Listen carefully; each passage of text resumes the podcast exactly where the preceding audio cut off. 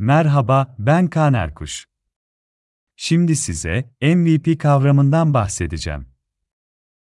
MVP, Minimum Viable Product, odaklanılan alanda, ürünün hedef kitlesine değer sunabildiği en ufak yapıdır.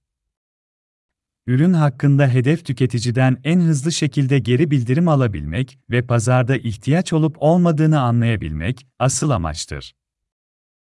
Bu sebeple, ürünün müşteri ihtiyaçlarını minimum seviyede karşılayacak versiyonuna MVP denir.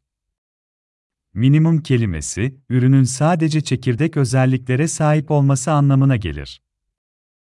Viable kelimesi, ürünün kullanıcı için değerli olması anlamına gelir, yani geliştirme maliyetini karşılayabilecek bir gelir üretmesi diyebiliriz.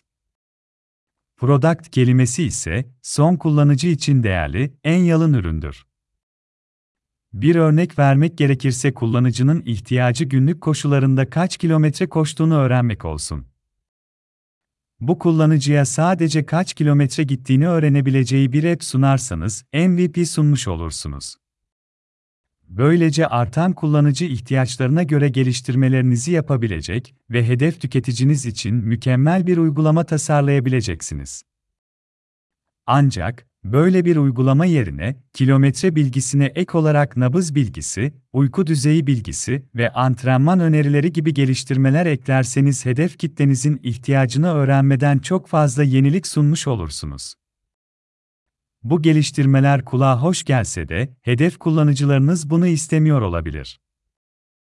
Bunu anlamanın tek yolu içgörüleri okumaktır, sonrasında bu içgörülere yönelik geliştirmeler yapmaktır. Artık MVP nedir biliyorsunuz.